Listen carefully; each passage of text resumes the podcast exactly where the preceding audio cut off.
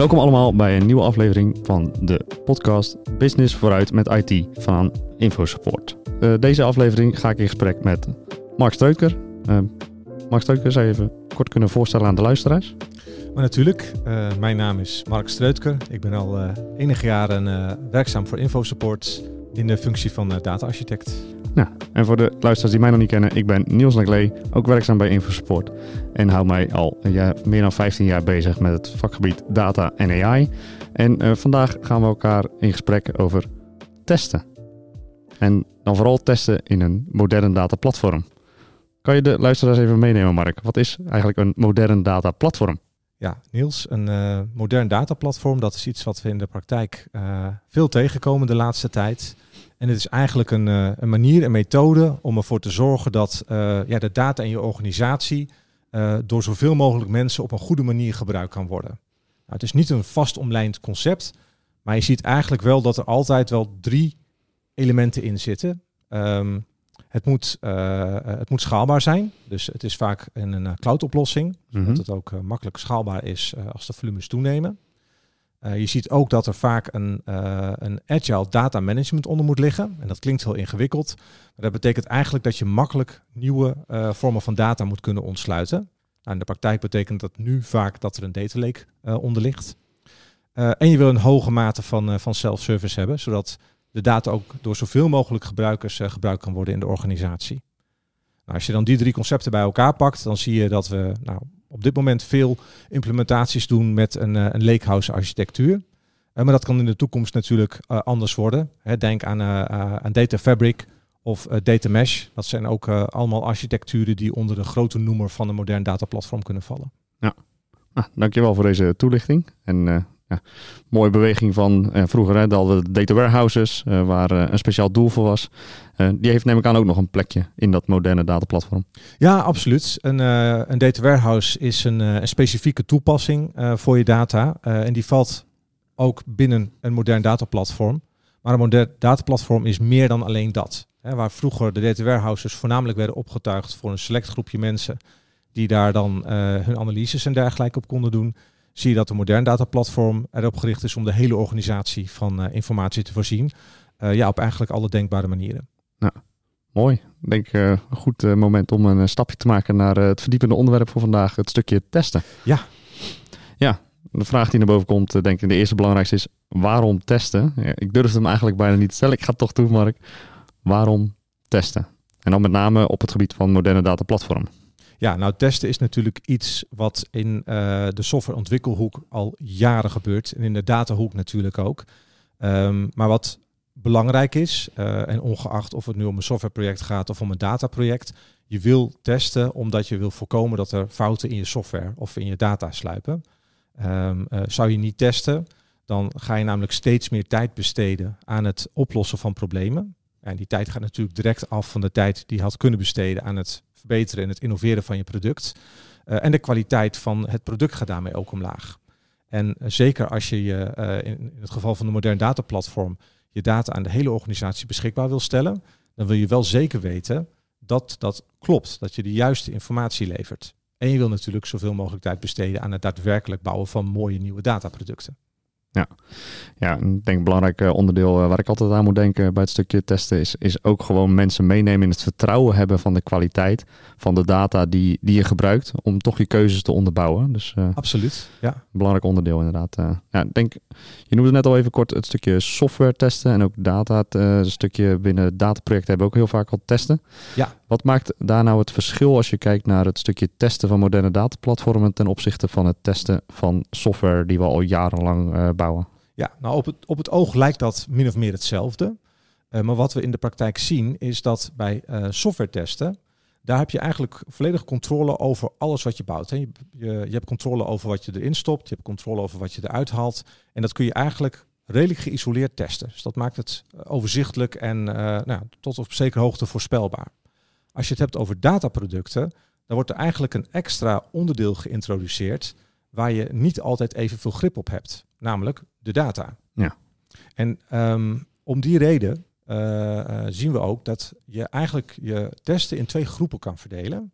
En we noemen dat ook wel de uh, innovation pipeline en de value pipeline. Ja. Nou, het verschil daartussen is bij de innovation pipeline. Dan richt je je voornamelijk op de software zelf, of je transformatie, of je business rule, of wat maar van toepassing is. En die probeer je dan zo geïsoleerd mogelijk te testen. Dus dat betekent dat je de data eigenlijk vastzet. Mhm. Dus dan heb je een, een, een eh, bevroren set aan data. Eh, en je gaat vervolgens de software wijzigen en die ga je dan ook testen. Ja. Dat is op een gegeven moment goed. Dan, eh, dan zeg je van nou, mijn, mijn functionaliteit klopt. En dan ga ik het naar productie uitrollen. Maar in de productieomgeving kan er weer allerlei andere data doorheen komen. En is het dus heel moeilijk te voorspellen of je in al die andere situaties ook nog steeds correct werkt. Ja. En dan kom je eigenlijk in de value pipeline. En in de Mhm. value pipeline, dat is iets wat je dus niet test eh, terwijl je het aan het developen bent, maar dat is iets wat getest wordt in productie zelf. Dus tijdens de uitvoer van je, van in dit geval je data pipelines. Dus als ik hem voor mezelf nog even vertaal, is dat dus innovation pipeline is met name tijdens development. En zodra het klaar is, het is getest, dan is het ready for production. Klopt. En bij de value eh, pipeline testing is eigenlijk iets wat je continu, iedere keer als er een dataverwerking door het dataplatform heen gaat, test je dus eh, die data. Ja, klopt. Dat is goed samengevat. Oké. En ehm, waarom zou je dat onderscheid eigenlijk willen maken? Dat onderscheid eh, zou je willen maken omdat het een ander eh, doel dient. Ja. Ehm, eh, de innovation pipeline is echt gericht op wat je al zei, het developen van nieuwe functionaliteit, nieuwe logica. Eh, en daarbij ook in acht nemen dat je dan de data bevriest. Terwijl je in de, de value pipeline eigenlijk een signalerende functie heeft. Op het moment dat er namelijk ergens een probleem optreedt tijdens de verwerking van je data, dan wil je dat zo snel mogelijk weten. En dat valt mooi samen met het, het data-ops-principe. Want je wil op het moment dat er iets fout gaat, het begint altijd met signaleren. En op het moment dat je ziet dat iets fout gaat, dan kun je er ook actie op uitzetten. Ja. Om te voorkomen dat eh, dat probleem wat je hebt gesignaleerd verderop in de verwerking of verderop in de organisatie wellicht tot eh, onjuiste data leidt. Ja, dus je wil zo snel mogelijk inzicht geven aan alle potentiële gebruikers, maar ook de leveranciers van de data of de publicerende kant, dat er iets speelt binnen de data die anders is dan verwacht. Ja, precies. Ja, denk wel een heel belangrijk onderscheid inderdaad. Eh, ik, ik moet zeggen, ik in de praktijk kom ik nogal vaak tegen dat bepaalde tests die je juist voor de eh, innovation pipeline aan het doen bent, meer eigenlijk iets is voor de value pipeline testing. Ehm, heb je daar tips voor organisaties ehm, hoe ze dat onderscheid duidelijk kunnen maken? Ja, dat, eh, dat heb ik. Ehm, als je het hebt over value pipeline testing, wellicht kan ik een aantal voorbeelden noemen wat Ja. voor soort tests daar dan onder zouden vallen. Nou, je hebt bijvoorbeeld eh, ingestion tests. Dus dat is eigenlijk de test op het moment dat de data binnenkomt, hè, dat het in je platform gaat landen. Eh dan kun je dingen controleren als eh, zitten alle velden erin die ik had verwacht. Als een set uit meerdere bestanden bestaat, heb ik alle bestanden gekregen. Maar ook bijvoorbeeld zijn bestanden wel of niet leeg. Eigenlijk een soort sanity checks om te kijken van klopt het überhaupt wat ik aangeleverd heb gekregen. Nou, dat zijn dingen die kun je doen tijdens het, het binnenkrijgen van de data. Eh, maar je kan ook bijvoorbeeld denken aan eh, eh, testen van een business rule. Hè, waarbij je kijkt of de, de output van je business rule overeenkomt met datgene wat je had verwacht. Dus, moet je me even helpen? Want business rule, dat is het stukje wat je developt in een stukje code. Maar die hebben we toch al getest in de innovation pipeline. Ja, dat is een goede vraag, of een goede opmerking eigenlijk.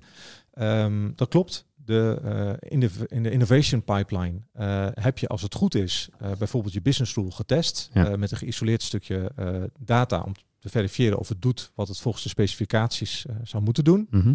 Maar wat je in de value pipeline test, is wat het effect op de data is door die business rule. Je weet immers nooit zeker wat voor data er doorheen wordt gehaald. En het kan best zijn dat je nieuwe situaties krijgt die je in je oorspronkelijke test niet tegen bent gekomen. Je maakte net het haakje naar DataOps. Nou, DataOps, dat ligt me bij het hart. Ik presenteer er eh, graag over en ik eh, hoor er graag over. En ik spreek er graag over. Ehm, ja, hoe belangrijk is het stukje testen bij DataOps, eh, als jij eh, vanuit jouw perspectief daarnaar kijkt? Het toepassen van testen binnen DataOps is, ja, is cruciaal als je DataOps op een correcte manier wil, wil uitvoeren. Ehm, het is gewoon nodig om de kwaliteit te kunnen garanderen over je hele platform heen. Nou, dat, dat, daar sta ik volledig achter inderdaad. Ja, dat, ben, dat, zie ik ook zo vanuit per- perspectief. En wat mijn essentie daar dan eh, vaak eh, in is, is dat het belang van testen en het snel testen en signaleren, de signaalfunctie die je net noemde, heel waardevol is om ook organisaties mee te nemen in de verandering naar meer data op uh, werken. Namelijk door inzicht te geven wat is de kwaliteit en mensen verantwoordelijk te maken en mee te nemen in, maar wat kan ik nou hiermee doen om die datakwaliteit te verhogen? En daar is signaalfunctie één van. Absoluut, ja, het begint bij signaleren, absoluut. Ja. Ik zit, ik zit even te denken, dat, dat waren eigenlijk wel mijn uh, vraagstukken die zo top of mind waren bij het stukje over uh, datatest. Heb je zelf nog uh, iets waar je aan denkt dat nog niet ter sprake is gekomen? Het resultaat van testen, dat is denk ik nogal belangrijk om te benoemen. Goed punt, die was me even ontschoten inderdaad. het is goed dat je hem, dat je hem inbrengt. ja. En het resultaat van testen, dat is, dat is de uitkomst of iets goed is of een signaal afgegaan is. Um, en waar denk je dan nog meer aan bij het stukje resultaat? Kijk, het, het resultaat van testen, dat is niet iets wat alleen een aangelegenheid is van de beheerders of de developers. Um, daar begint het wel, uh, daar wordt het gesignaleerd. Maar op het moment dat er uh, testoutput is, dan is het belangrijk dat um, die output ook gedeeld wordt met de organisatie. En daar komt ook data governance, hè, wat ook weer een onderdeel is van, van DataOps, om de hoek kijken. Omdat je, je je organisatie zo ingedeeld wil hebben dat op het moment dat er problemen optreden, je ook de verantwoordelijke van de data kan vinden. En samen met die persoon kan zoeken naar een oplossing. En op die manier ervoor te zorgen dat de kwaliteit van de data ja, zo hoog mogelijk blijft voor de rest van de organisatie. Ja, ik denk een hele waardevol inderdaad, die nog als extra toevoegender is. Want dat is ook meestal de grootste uitdaging die ik zie in de praktijk als we het over data ops hebben. Is van ja, het doen en het testen en de processen in kaart brengen. Dat zie je altijd wel gebeuren. Maar er is nog een extra change nodig en dat is meestal de culture change. Ja. En uh, daar zou die zeker uh, heel erg waardevol zijn om het stukje resultaat mee te nemen. En daar zit ook wel vaak de uitdaging in. Daarom hebben we ook C-level commitment nodig. Om ook echt rollen uh, te kunnen gaan erkennen die ook bij mensen belegd worden. Niet als extra bij het werk wat ze doen. Klopt. Dat zie ik bij veel organisaties nog wel gebeuren. Van, oh ja, we moeten nog even een owner hebben. Welk systeem is het?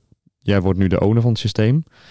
Maar dat zijn wel uh, zaken waar meer tijd en meer energie, in mijn uh, mening, uh, moet, moet gestoken worden om echt de waarde van data te halen. Echt zien als onderdeel van het werk en niet er daarnaast bij doen. Zeker, zeker. Kijk, data ops is natuurlijk aan de ene kant een stukje technische invulling. En je ziet dat klanten dat stuk vaak wel vrij snel oppakken. Dat ligt ook in het verlengde van hè, wat ze al doen vaak. Maar met name dat stukje, dat cultural change wat je zei, uh, ja, daar staan de uitdagingen. Dat is echt een ander concept. En dat is ook afdeling overstijgend. Ja. Dat blijft niet alleen op de afdeling die iets met BI doet of iets met data. Uh, maar dat gaat eigenlijk over de hele organisatie. En op het moment dat je dat goed hebt ingeregeld, dan kun je inderdaad ook snel handelen in het geval van uh, nou, bijvoorbeeld datakwaliteit issues. Ja. Ja, voor de meeste uh, mensen is dataops tegenwoordig wel een bekende term. Mocht je toch meer erover willen weten, we hebben ook een roadmap die we hebben voor als je aan de slag wil gaan met dataops. dus voor de luisteraars die die nog niet kennen, neem even contact met ons op. dan lichten we graag de roadmap toe. Waarin inderdaad het belang van de organisatiewijziging, uh, die als groot onderdeel van uh, de data-ops uh, aanpak van groot belang is, ook onderdeel van een van de stappen van de roadmap. Ja, goede aanvulling. Um, als we even kijken naar de praktijk. Um, wat zijn dan de zaken die we wel al zien gebeuren op het vlak van data testen? En welk zien we vaak nog niet? Nou, je ziet vaak wel dat nou, bijna ieder project wel iets doet met testen. Dus je mm -hmm. ziet zeker het initiatief en ook de, de wens om het, uh, om het in te richten. Um, je ziet ook dat het onderscheid tussen value uh, uh, pipeline en innovation pipeline nog niet echt gemaakt wordt. Waardoor tests soms een beetje in beide categorieën vallen of niet heel duidelijk een heel duidelijk doel hebben. Daarnaast zie je dat um, zeker voor moderne dataplatformen, anders dan bij traditionele softwareontwikkeling, dat het ook nog niet helemaal uitgekristalliseerd is. En dat maakt het wel een uitdaging uh, om, het, uh, om het effectief in te kunnen zetten. Ja, maar er moet natuurlijk geen reden zijn om niet te gaan starten. Uh, dus als ik hem even voor mezelf even vertaal met wat, wat ik hoor zeggen is... Kijk goed naar de situatie en met welk doel je een bepaalde test gaat doen. Want de doel en het resultaat wat je daarmee wil bereiken... bepaalt eigenlijk wat voor type test je ervoor zou in moeten inzetten. Klopt. En er zijn natuurlijk uh, heel veel aanpakken en frameworks en methodes uh, op de markt waar je gebruik van zou kunnen maken. Uh, maar het begint inderdaad bij wat wil ik testen, wat is mijn doelstelling en is het dan iets wat ik tijdens development wil testen of is het iets wat ik juist wil testen terwijl mijn proces draait. dat zijn belangrijke afwegingen die je moet maken. Misschien ook nog leuk voor de luisteraars. heb je een bepaald praktijkvoorbeelden van goede value stream tests die je bent tegengekomen? Ja, dat heb ik wel. Um, ik ben in de praktijk wel eens tegengekomen dat uh, er eigenlijk heel simpel op totalen wordt gecontroleerd. En dat klinkt, uh, dat klinkt heel eenvoudig, maar dat kan toch heel effectief zijn. Uh, zeker als je um, omgevingen hebt waar je je data over meerdere lagen eenhaalt. Dat je eigenlijk heel simpel checkt of de, de hoeveelheid data die je aan het begin had overeenkomt met de hoeveelheid data die je aan het einde had. Uh, maar ook simpele dingen als um, uh, datatype controles of een veld wel of niet verplicht moet zijn. Um, dat, kunnen al, al, uh, dat kan al heel veel problemen voorkomen, omdat je dan aan de voorkant al kan signaleren dat er iets anders is dan wat je had verwacht. Ja, klinkt als heel erg basale test, maar dat is ook een hele makkelijke manier om te gaan starten, mocht je die nog niet hebben in je productieomgeving. ja. ja, eentje die bij mij altijd wel bijblijft, is meer eentje waar ik hoop dat we naartoe gaan bewegen binnen de, de datawereld, is dat we steeds meer met artificial intelligence eigenlijk gaan valideren wat de kwaliteit van de data is. Ja. Um, en dat we dus eigenlijk op basis van normaalverdelingen van de stroom van informatie eigenlijk patronen van de data gaan herkennen. Ja. Om uh, eigenlijk daar eigenlijk nieuwe validaties te kunnen doen. Is hetgene wat we nu krijgen nog steeds hetgene wat we verwachten? Dan kan het een hele goede reden zijn dat het afwijkt, maar wel als een extra signaalfunctie. Uh, dat we daar ook steeds vaker artificial intelligence voor uh, zouden moeten kunnen gaan inzetten. Zeg ik meer op basis van uh, een soort van statistische footprint van je data zeggen, hij wijkt hier af. En dan kan het nog steeds goed zijn, maar dan ja. word je in ieder geval getriggerd om het even te controleren. Ja, ik hoop dat we daar inderdaad steeds meer naartoe groeien. Dat we de statistiek daarin meenemen en dat we eigenlijk continu kunnen blijven monitoren of hetgene is wat we verwachten. En of er eventueel uitschieters zijn, wat een hele goede reden kan zijn. Maar dan heb je in ieder geval het gesprek met elkaar van waarom is dit een uitschieter? Uh, in de praktijk komt het vaak genoeg tegen dat je een maand later ziet van hé, hey, we hadden hier wat rare uh, historische data inmiddels. Ja.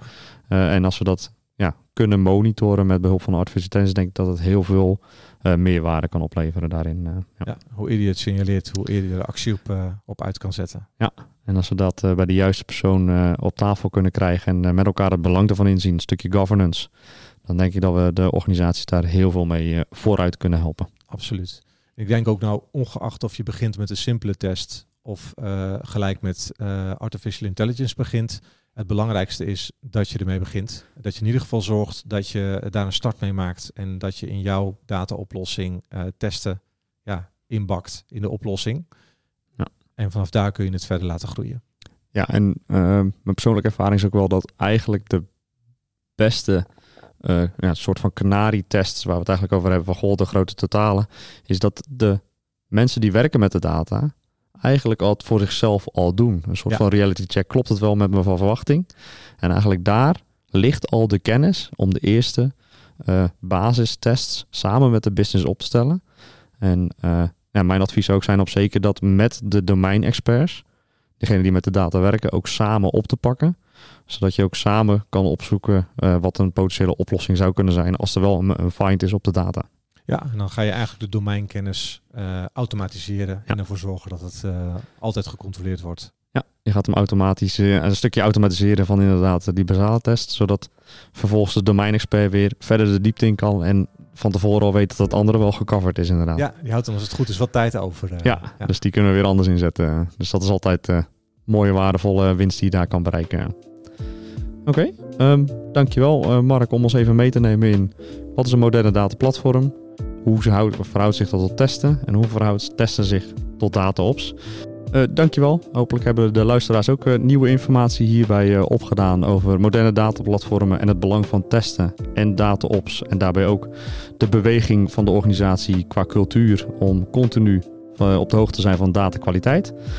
Um, dankjewel Mark voor je gesprek zo hierover. Ja, jij ook bedankt. Voor de luisteraars, uh, vergeet niet te abonneren op onze podcastkanalen. Je vindt deze ook op YouTube, dus vergeet ook niet het duimpje omhoog te doen. Voor, zodat je op de hoogte bent voor de laatste afleveringen die live staan van de podcast Business vooruit met IT van Infosport. Dankjewel en tot de volgende aflevering.